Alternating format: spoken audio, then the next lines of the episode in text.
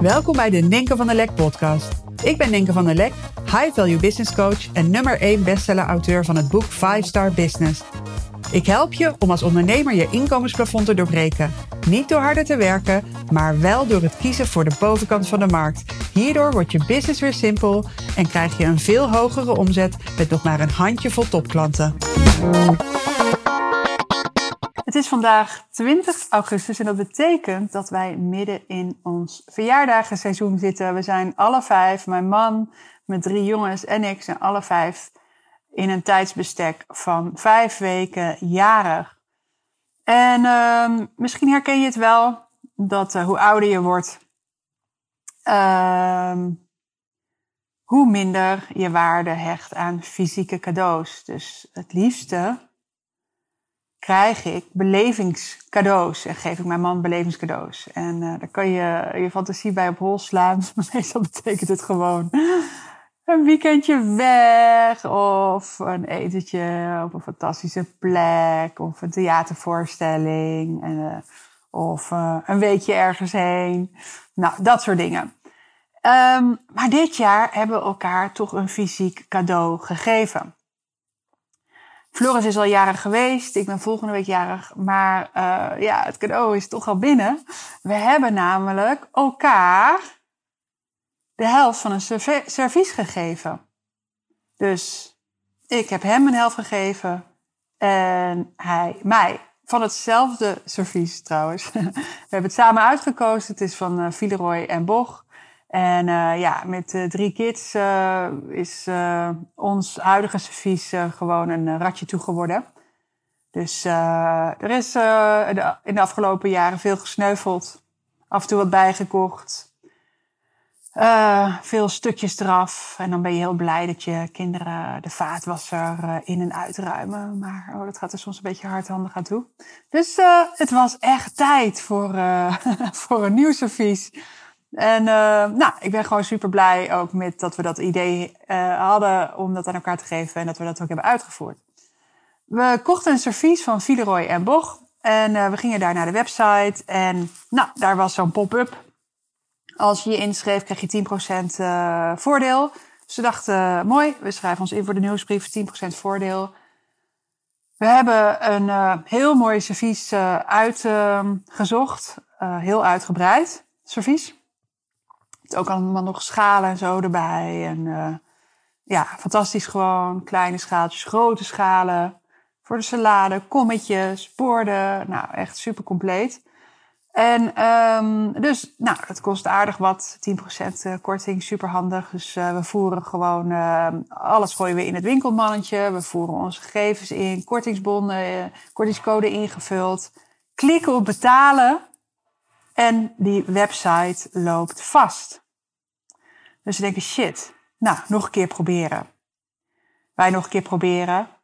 Kortingscode werkt niet meer. Maar Floris die zei, ik heb me ook opgeschreven voor, gegeven voor de nieuwsbrief. Dus ik heb ook nog een eigen kortingscode. Dus wij weer opnieuw proberen. Zijn kortingscode. Klikken weer op betalen. En weer loopt hij vast. Dus die hele checkout, die werkte niet goed. We bellen de klantenservice, staan uh, heel lang in de wacht, maar we krijgen uiteindelijk iemand te pakken. Een Fransman die heel gebrekkig Engels sprak. Heel bijzonder. En die zei, ja, ik kan u eigenlijk niet helpen. Um, vul eventjes het contactformulier in op de website en uh, laat even weten um, wat, er, uh, wat het probleem is.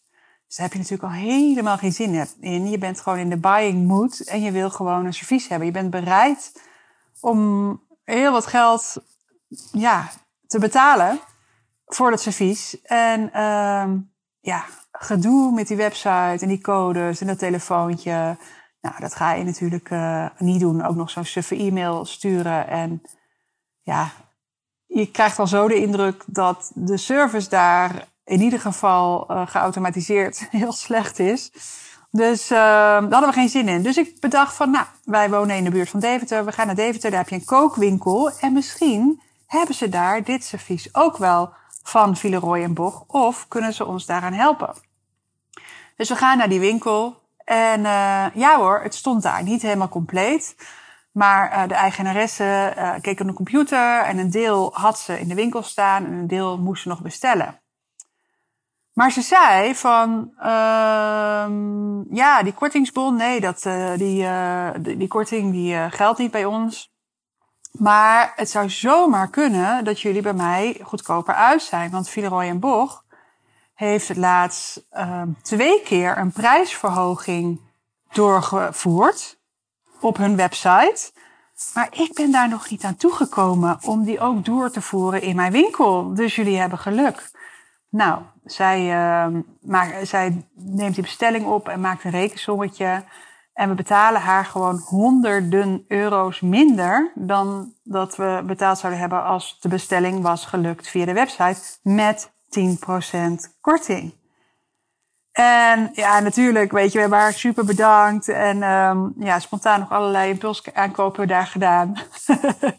dus um, nee, maar we waren, waren gewoon heel dankbaar. Het was gewoon allemaal heel open en transparant. En, uh, maar Floris en ik hadden het erover op de terugweg van... Wow, weet je, deze vrouw was nog niet toegekomen aan de prijsverhoging. Was dat servies een paar honderd euro meer geweest, dan hadden we het gewoon gekocht. Ik bedoel, dat is gewoon de Villeroy en Boch prijs. Maar deze eigenaresse kwam ook super chaotisch over. Het was druk in de winkel, maar vooral omdat zij heel druk deed. En zoals ik dat altijd noem, hap-snap. Dus uh, het was heel rommelig. Uh, ze bemoeide zich continu met alles en iedereen. Um, de laptop moest ook steeds verplaatst worden waar ze bezig was met uh, de bestelling checken en weet ik van wat. En het werd me gewoon ontzettend duidelijk dat um, ja, door gewoon de chaos in haar hoofd, zij misschien wel op dagelijkse basis onwijze omzet misloopt. Dus zo ontzettend interessant, want hoeveel tijd heb je als ondernemer zelf nodig om een prijsverhoging door te voeren?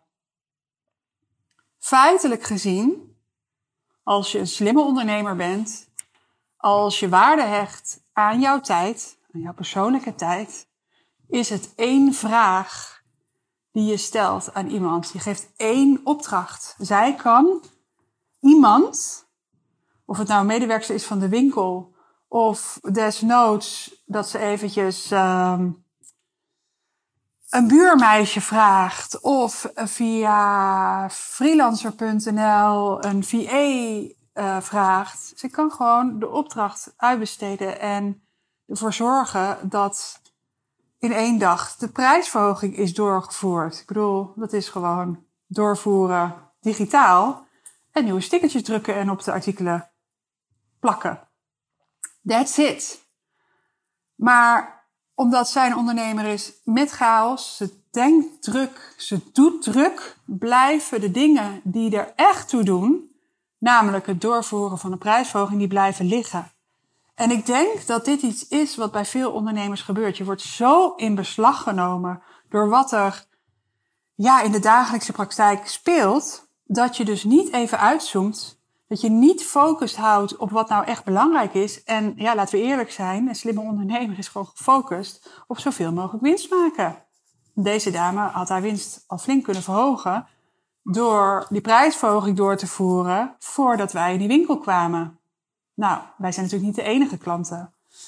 Um, maar dat je dus zo gefocust bent op de waan van de dag, waardoor je focus verliest op wat er echt belangrijk is. Jij als ondernemer hebt de taak om je bedrijf financieel gezond te maken en te houden, de winst te verhogen en om je tijd te steken in dingen die bijdragen aan groei. En dat betekent niet dat je alles zelf hoeft te doen.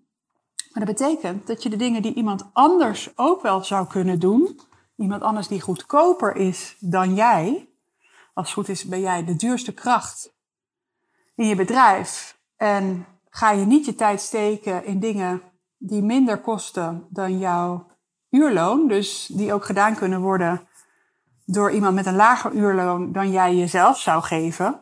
Dat is gewoon eens even, ik denk dat je jezelf minimaal de, de, jezelf moet waarderen uh, op het level van 1000 euro per uur.